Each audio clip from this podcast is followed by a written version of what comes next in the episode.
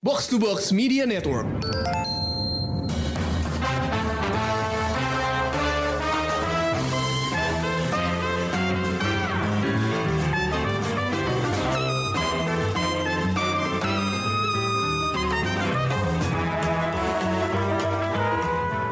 Hey pendengar Showbox, makan bareng yuk!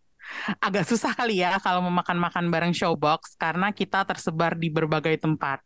Makan virtual alias mukbang juga rada susah nih. Jadi enaknya kita ngobrolin aja tentang makanan di Out of the Box ketiga bulan Februari ini. Mumpung masih belum bulan puasa, yuk kita ngobrolin makanan sepuasnya. Eh, tepatnya kita bakal ngobrolin acara makan seru yang bikin ngakak. Untuk episode Out of the Box kali ini, gue ngundang lagi dua orang panelis Showbox yang waktu itu membahas film The Menu bareng gue.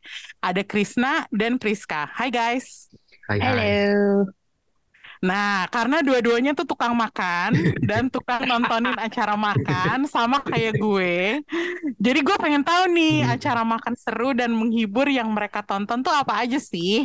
Nggak cuma Chef's Table loh, karena gue tahu mereka udah nonton sampai bisa ngebandingin sama The Menu. Tapi acara makan itu banyak banget, lebih dari eh, apa yang ada di Netflix gitu.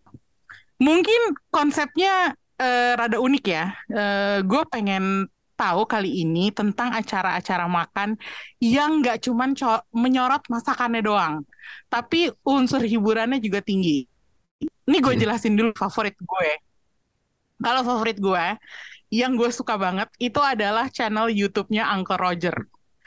Kalau lo belum tahu siapa Uncle Roger, kemungkinan besar lo anti MSG karena Uncle Roger itu adalah pembela MSG. Jadi dia itu adalah apa ya persona dari seorang komedian asal Malaysia yang pindah ke Inggris. Namanya Nigel Eng dan videonya viral. Videonya dia tuh viral gara-gara dia pernah mengkritik video orang lain seorang chef Inggris yang masak nasinya itu pakai saringan. Itu video viral di era pandemi dan langsung men-trigger banyak orang Asia. Kalau orang Asia masak nasi, itu kan biasanya pakai eh, rice cooker. Terus ngukur airnya tuh pakai jari gitu loh. Jadi eh, waktu itu si chef Inggris ini tuh dikritik abis-abisan. Setelah itu si Uncle Roger bikin banyak video lainnya, reaction videos. Dia ngomentarin koki-koki seperti Gordon Ramsay, Jamie Oliver, pas mereka bikin masakan tertentu gitu. Kalau cara masaknya di approve sama Uncle Roger, dia kasih review bagus. Tapi kalau cara masaknya nggak bener, dia langsung hujat gitu. Kayak si Uncle Roger tuh benci banget sama cara masaknya Jamie Oliver. Yang menurut dia sama sekali nggak autentik. Tapi giliran Rich Brian bikin instant ramen, dia langsung approve. Terus waktu itu gue juga sempet nonton dia nge-review nasi gorengnya Reynold Purnomo. Itu dikasih nilai tinggi karena sesuai sama cara masaknya dia gitu. Jadi kalau gue nonton video-videonya Uncle Roger, gue tuh lumayan banyak belajar tentang teknik masak yang oke. Dan buat gue masuk di akal gitu. Tapi yang lebih bikin gue ngakak adalah komentar-komentar dia yang kadang tuh suka mencemooh orang barat gitu. Dan dia merasa orang Asia tuh superior. Kan jarang ya ada yang kayak gitu. Jadi gue suka banget gitu. Dan satu lagi, itu tadi gue bilang, gue suka bahwa dia nggak malu untuk mempromosikan MSG. Jadi kalau nggak salah dia tuh udah jadi brand ambassador salah satu merek MSG Indonesia. Sasa kalau nggak salah. Iya. Itu jadi apa ya? Gue Satu Indonesia ya? gue nggak tahu Sasa dari mana tapi yang yang pasti eh, di akun IG-nya brand tersebut dalam bahasa Indonesia itu pernah menampilkan oke. Uncle Roger. Jadi gue langsung wah ini favorit gue banget nih. Gue nyari acara-acara masak yang seperti Uncle Roger ini. Makanya gue pengen nanya ke kalian berdua ada nggak sih acara-acara masak yang seru, bikin ngakak, tapi juga sekaligus ngajarin hal-hal yang berguna buat lo di dapur gitu. Mungkin kita mulai dulu sama Priska kali ya. Kalau acara gua mungkin gak komedi karena Nigel Eng tuh emang lebih reaction video memang. Jadi kalau gua itu sebenarnya eh, ada satu serial Mm-mm. uh, cooking documentary style gitu. Mm. Uh, itu namanya The Chef Show. Dia ada di Netflix. Ah, gue Jadi, juga. nah, jadi si John Favreau itu kan pernah bikin film um, namanya Chef. Uh, ceritanya uh, dia itu chef yang udah kayak burn out, terus uh, karena itu summer, terus dia gitu dia take a road trip sama anaknya in a food truck gitu. Mm. Nah, di film itu dia yang konsultan, cooking consultant, culinary consultant, chef namanya chef uh, Roy Choi, uh, uh, American chef yang lumayan terkenal, dan ternyata ceritanya si chef Roy ini tuh juga uh, kurang lebih similar sama uh, ceritanya chef, film chef Hmm. gitu, di mana dia benar-benar kayak gue mau bikin food truck gitu. Nah, si chef ini pun juga jadi terkenal gara-gara food trucknya dia emang sering di uh, hire buat uh, film-film kayak di film set uh, untuk kayak apa sih crew dinner, crew meals gitu. Hmm, Jadi jadi cateringnya dari si Nah. chef ini gitu ya. Ha-ha, jadi kayak ada satu hari yang si food trucknya si chef Roy ini didatengin terus karena karena food truck tuh kalau di sana tuh bener-bener kayak apa sih apa based on location banget kan oh ini ada di lagi di jalan ini gitu terus orang tuh akan ngerubungin gitu Nyamperin. Nah, nyamperin gitu. Jadi kayak kalau misalnya uh, apa namanya, uh, jadi dia tuh emang terkenalnya karena mo- mobilitasnya dia sendiri gitu. Hmm. Terus udah gitu uh, apa namanya bahkan di show ini si John Favreau-nya juga cerita kalau misalnya sebenarnya dia di dikenalin sama food truck-nya si Chef Roy itu gara-gara lagi syuting Iron Man pertama.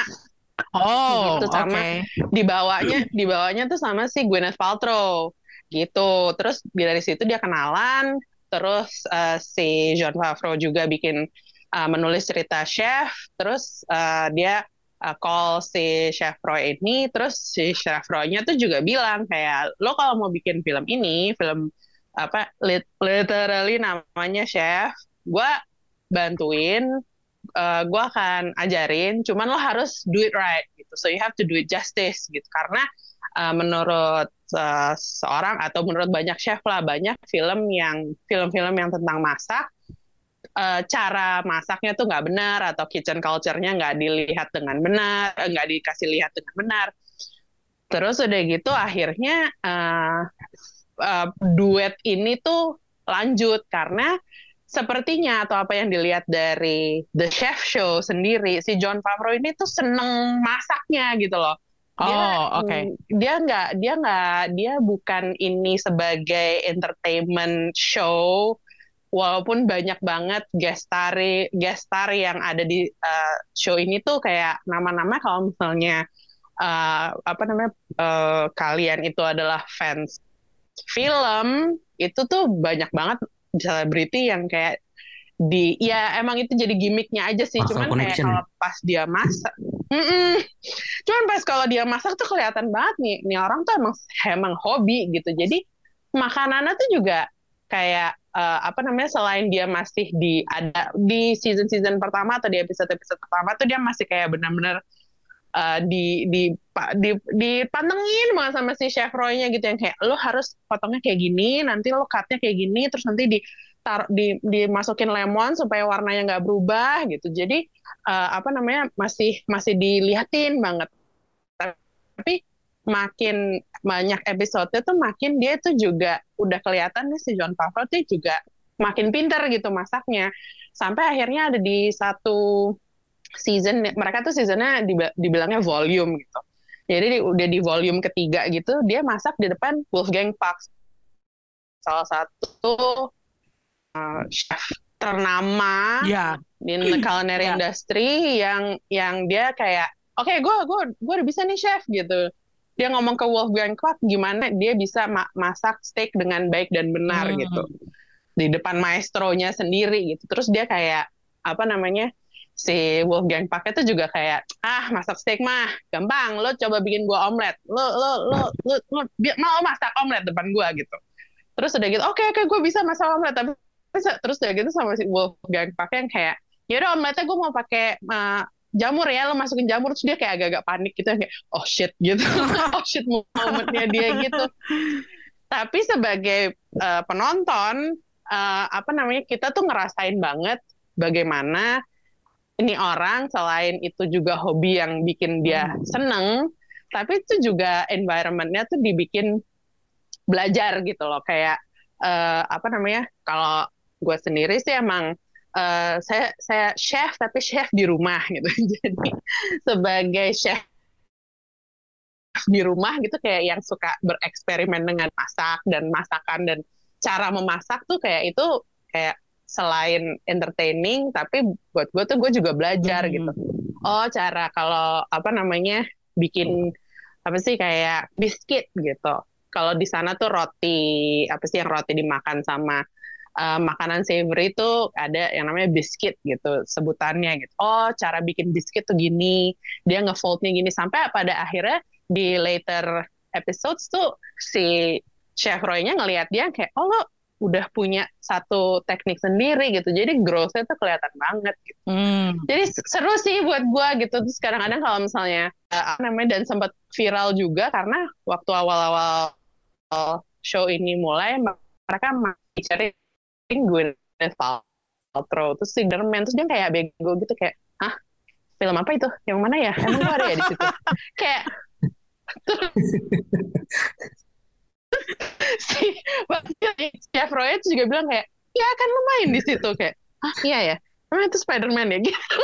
Jadi kalau misalnya mau coba nonton first episode itu kayak apa namanya lucunya tuh kayak yang kayak gitu-gitu momen-momen yang kayak momen-momen yang kayak anekdotal gitu ya. Jadi uh, apa namanya uh, buat gue kalau gue ngelihatnya sel uh, eh, selain tekniknya yang bisa gue pelajarin gitu itu hal-hal cerita-cerita behind the scenes yang di share sama John Favreau tuh juga seru juga gitu kayak uh, apa namanya kayak dia bikin apa dia dia cerita sampai cerita banyak uh, bikin Lion King gitu. Jadi kayak pada saat itu Lion King belum keluar kita kayak wah it's a scoop gitu jadi lumayan lumayan seru sih dan sangat sangat ini nonton kalau misalnya lo uh, skill masak lo udah di atas uh, telur belado gitu.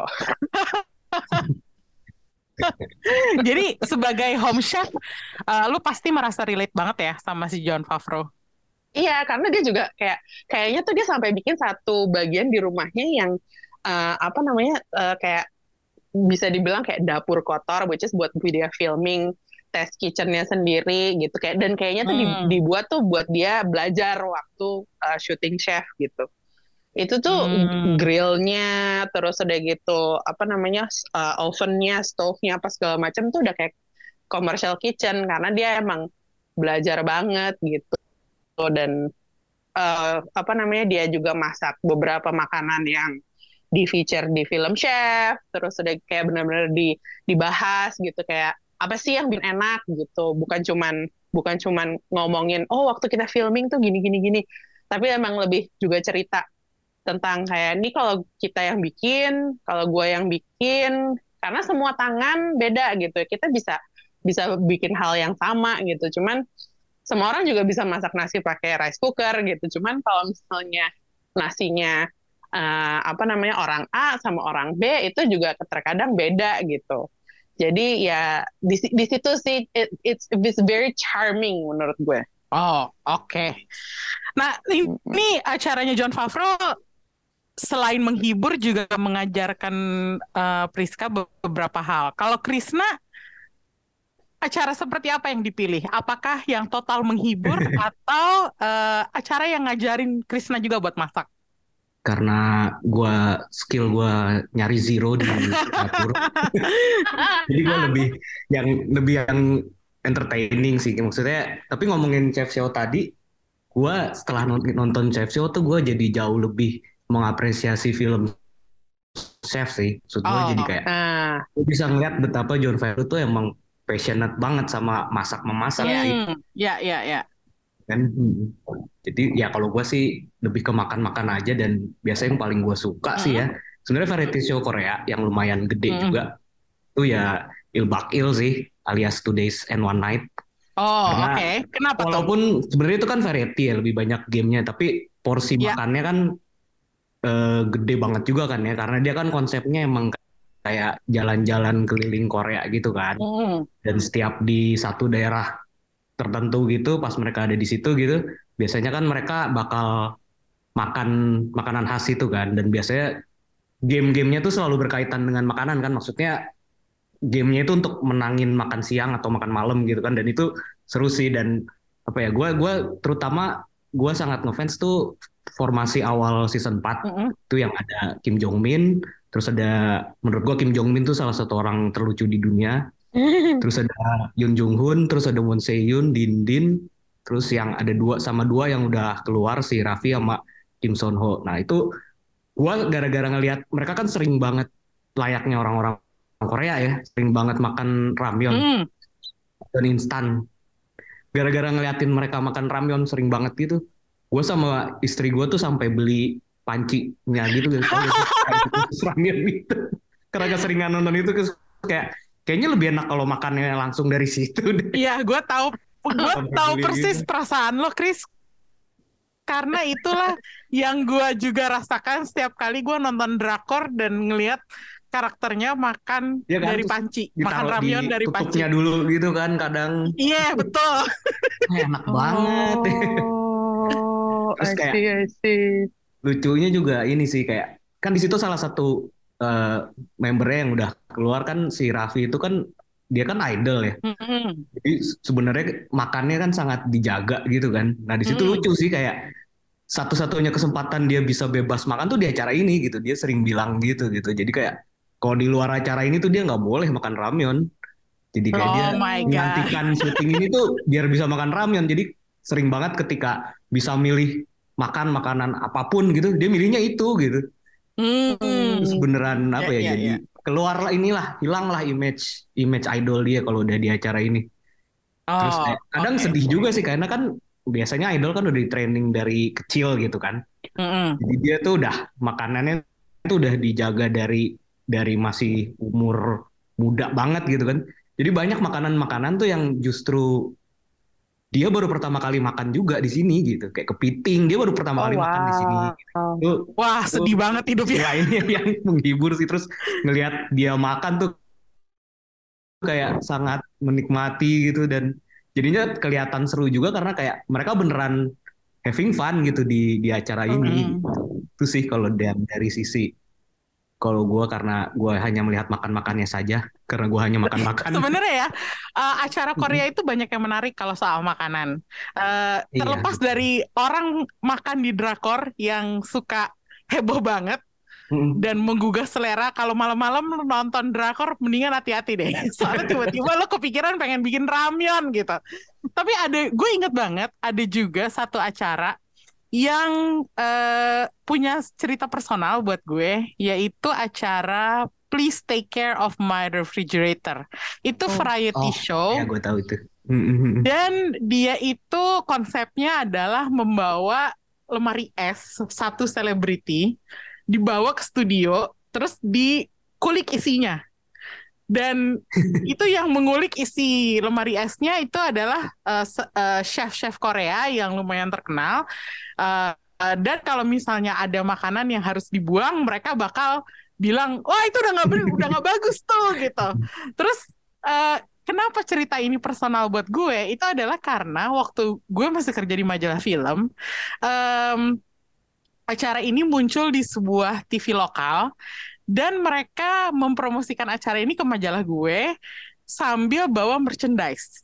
Merchandise-nya itu adalah sendok sama sumpit Korea yang mereka kasih ke gue dan akhirnya jadi sendok dan sumpit kesayangan gue sampai saat ini.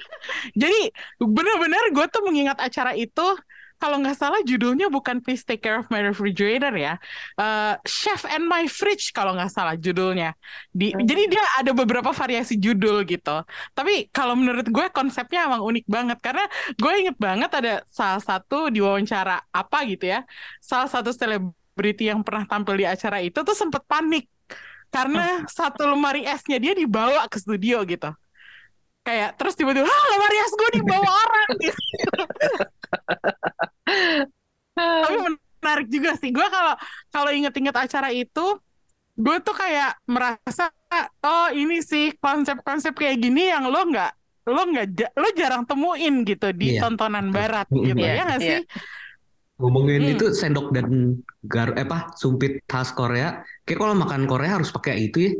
Iya, enak. Iya. Iya sih? iya. Sendok dan sumpitnya itu Iya, kan beda kan betul. sama sama sendok lain dan sumpit eh, dari Jepang gitu misalnya kan dia tipis gitu Ya kan. dan biasanya Iya. aluminium.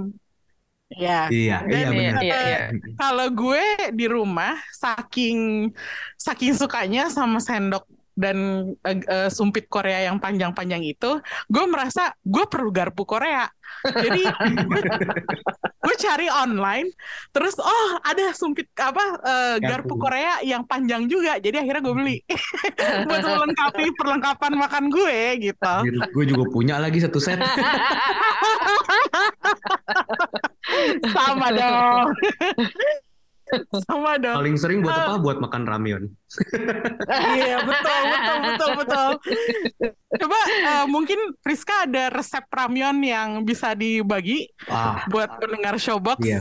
Kalau misalnya any ini ya, uh, any cup noodle, uh, Hmm. bikin uh, biasa aja kayak sesuai package, uh, apa namanya campurannya airnya, ai- level airnya juga uh, terserah gitu. Kalau kalau gue personally itu pas semuanya baru dimasukin, itu masukin telur satu Hmm. whole egg. Terus udah gitu dima- ditutup. Kalau gue biasanya pakai mangkok tutupnya, masukin ke uh, microwave. Itu yang nanti itu jadi kuahnya super creamy. Tapi terus udah gitu dapat satu apa ya egg yolk yang masih bundar di atas noodle-nya. Itu udah paling simple, nggak usah mikir ditambahin abon apa apa namanya eh, apa pun lah gitu atau topping keripik or nggak enak. whatever ya. gitu. Mm-mm. Jadi itu sambil nonton serial favorit dah. Jadi itu itu adalah cara eh, satu eh, bi- biasa ada banyak variasinya sih biasanya cuman ditaruhin egg-nya setelah eh, mie-nya selesai gitu. Tapi kalau kalau gue personally itu suka banget dimasak langsung sama egg-nya, tapi emang dimasaknya harus di microwave gitu. Wah. Itu itu itu itu itu apa ya kayak it warms my soul. Kenyang terus udah gitu, apalagi kalau misalnya makannya kayak jam setengah sebelas malam, terus lagi, lagi nonton drakor yang waktu nonton Reborn Rich sih itu kayak, wih itu lagi drama-dramanya. Lagi drama-dramanya terus udah gitu my opa my Sunjungki opa Wah, ngeliat itu sambil makan ramyeon kayak ah lu oh my god. Oke, Em, ini ngomong-ngomong ada nggak sih acara lain atau YouTube channel yang sering kalian tontonin? Kalau misalnya lagi nggak ada kerjaan gitu, lagi gabut gitu, terus lo nontonin mukbang atau apa yang yang buat menggugah selera aja gitu. Ada nggak sih? Ada oh, ada beberapa sih.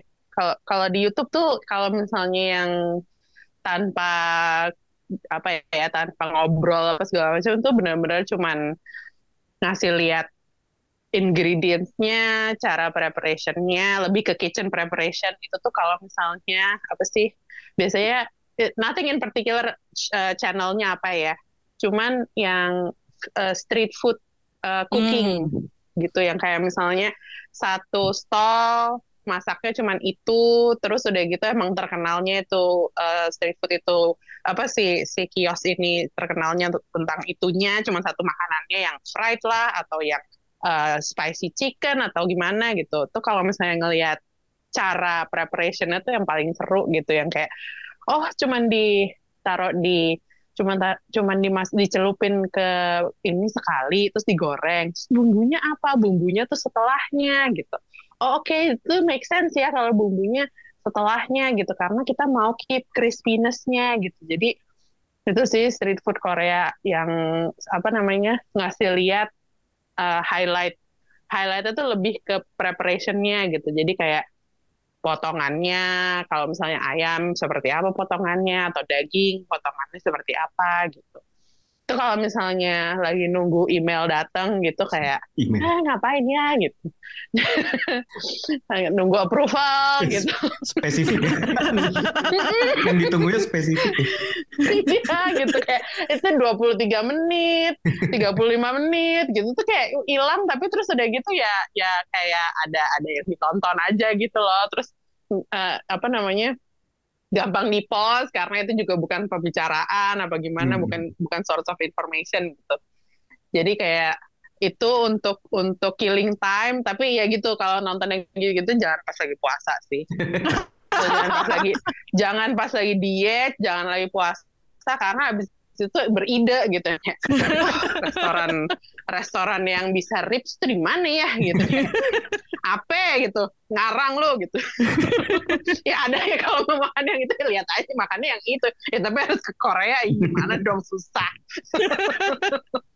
Kalau Ya. Krisna ada nggak? Gue kalau di YouTube ada sih ada. Gue ada satu. Sebenarnya dia ada tiga channel, cuman kayak dikerjain satu tim yang sama. Jadi Mhm. namanya tuh Udon Soba nama channelnya. Jadi ada ada Oh. tiga nih, ada Udon Soba uh, Osaka Nara, ada Udon Soba Hyogo Kyoto, sama terakhir Udon, Udon Soba Tokyo. Jadi dia berdasarkan kotanya gitu. Nah mereka Oh, ya ya. kayak spesifik ngeliput kedai gitu kayak bukan restoran gede juga kayak kedai kedai biasa tempat makan orang Jepang sehari-hari gitu deh Hmm. biasanya tempat lunch gitu yang lunch juga mostly itu kayak salaryman atau kalau lokasinya agak di pemukiman ya orang-orang sekitar kayak gitu-gitu aja dan dan itu kayak ngeliput tuh dari kayak dari pagi mereka persiapan si ownernya gitu biasanya da- dari subuh gitu mereka persiapan bikin biasanya sih sesuai judulnya ya kebanyakan udon sama soba tapi juga biasanya di kedai kayak gitu kan selain udon soba mereka nyediain ini juga kan apa kayak oyakodon kayak tempura Hmm. macam kayak gitu-gitu kan Oh, Nah, itu gua nonton itu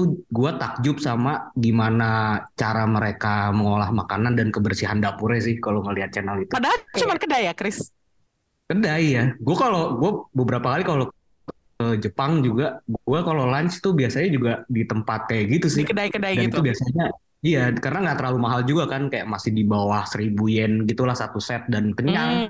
Porsinya Iya, gede iya, iya. dan dan bahan-bahannya tetap bagus gitu kelihatan gitu ya maksudnya ingredientnya tuh kelihatan yang emang ya, ya di Jepang standarnya emang gitu kali ya Hmm.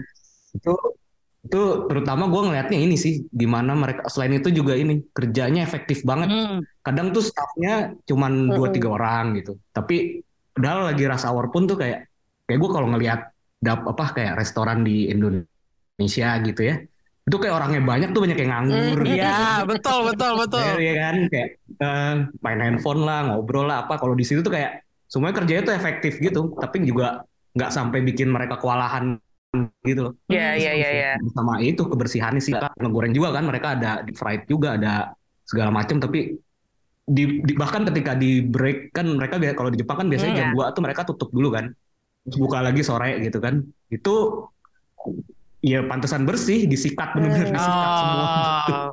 gua gua sangat menikmati itunya juga sih selain makanan Hmm.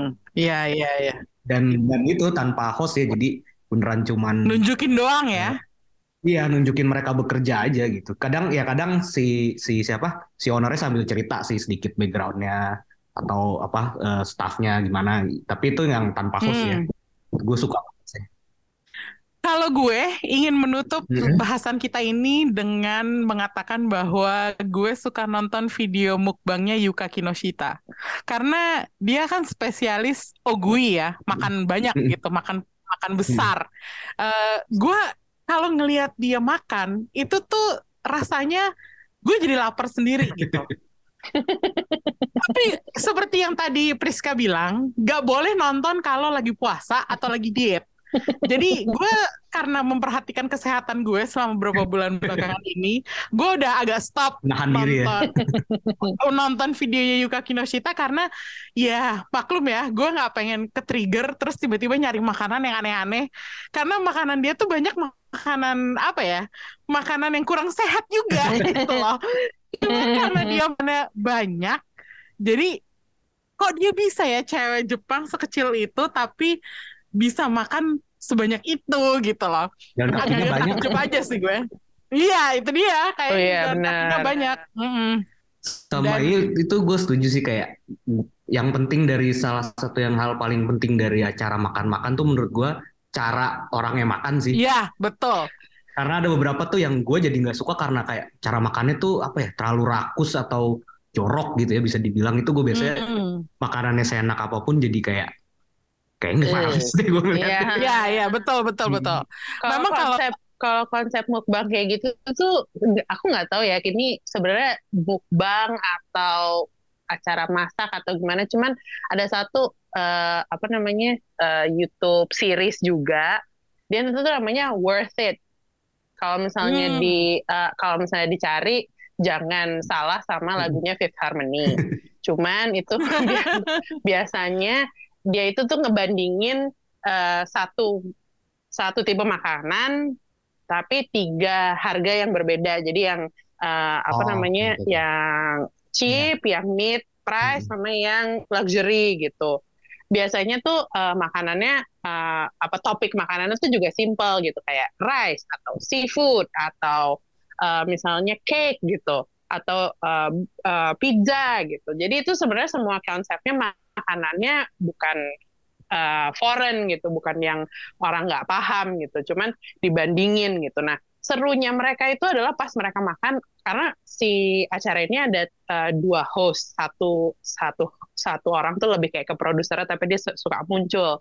Serunya nonton si Worth It ini adalah ketika mereka tuh makan dan mereka tuh kayak ngobrol betapa enaknya makanan yang mereka makan gitu Hmm. bukannya yang uh, cheap lebih nggak enak Iya, atau yang yang paling mahal itu paling enak gitu. Cuman worth it-nya di harga tersebut tuh buat mereka bagian apanya sih? Apakah sausnya, apakah presentasinya, apakah uh, apa sih kayak apa ya, perasaannya gitu. Jadi itu tuh kayak kalau misalnya ngelihat itu mungkin karena emang ma- makannya juga apa ya mereka satu gigitan tuh yang kayak wah wah wah ini sih wah parah sih gitu. Jadi nah kayak Iya. gitu-gitu tuh yang sebenarnya juga seru gitu. Makanannya tuh emang nggak relatable juga sih kalau kita nonton ya di Indonesia gitu. Karena emang tempat-tempat yang mereka kunjungin sometimes emang nggak bisa kita replicate juga nggak bisa kita coba juga gitu. Sedekatnya mereka ke daerah negara bagian kita tuh ya mereka ke Taiwan sama ke Jepang sama Australia gitu. Tapi itu juga itu juga tuh juga nggak yang easily apa ya bisa dicari gitu loh sama kita gitu.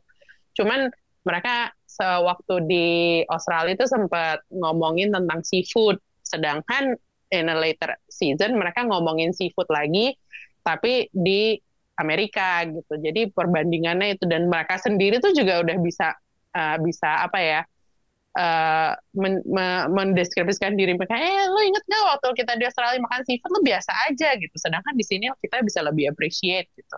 Mungkin itu sih progresnya bahwa kayak makan itu tuh bukan cuman apa ya buat kenyang atau uh, apa killing time atau emang jam makan gitu, tapi buat mereka tuh makan dan bagian mereka makan sendiri itu tuh ceritanya seru gitu. Jadi mungkin kenapa mukbang juga terkadang itu seru buat beberapa orang adalah karena interaksi itu juga penting ya. Kalau Hmm. misalnya kita ngelihat orang makan atau kita sendiri pun kalau misalnya pergi sama teman-teman yang juga suka makan tuh bisalah gitu ngobrolin kayak kalau misalnya kita di all you can eat kayak oh ini si saus ini ba- apa bareng sama ini apa Oh, segala macam. Jadi gitu ya. ngeracik-ngeracik itu kan part of the conversation Hmm. kalau kita juga lagi makan Iya. gitu. Terus udah gitu kalau misalnya kita lagi di restoran Padang gitu, duduk di restoran Padang dengan semuanya di apa disuguhkan di depan kita gitu. Kan kita we eat with our eyes gitu. Jadi uh, apa namanya? Pembicaraan kita tuh juga kayak ini ayam apa? Ini sambal apa?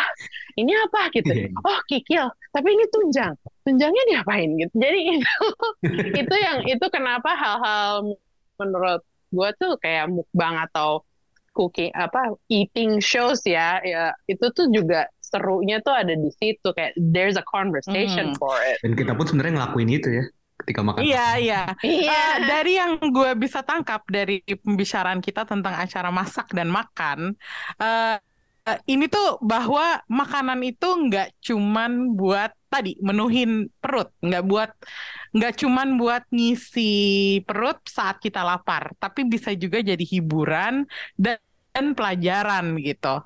Makanya dari tadi gue denger acara-acara yang dipropose sama Krisna sama Priska, gue merasa wah emang beda ya, beda-beda banget gitu cara kita memandang makanan tuh bisa dalam berbagai cara. Dan gue rasa ini kalau topik mau dilanjutin, seperti semua topik-topik kita, ini tuh bisa semalaman kita ada di sini. Tapi eh, thank you banget Krisna dan Priska udah nemenin gue bicara tentang makanan. Eh, mungkin nanti kita bisa sambung lagi setelah bulan puasa. kita halal halal lebih bah- halal lebih halal dengan ngomongin acara-acara makan yang bisa memuaskan kita setelah Ramadan selesai. Oke guys, thank you banget udah dengerin. Kita ketemu lagi di episode Out of the Box yang lain. See you and bye-bye.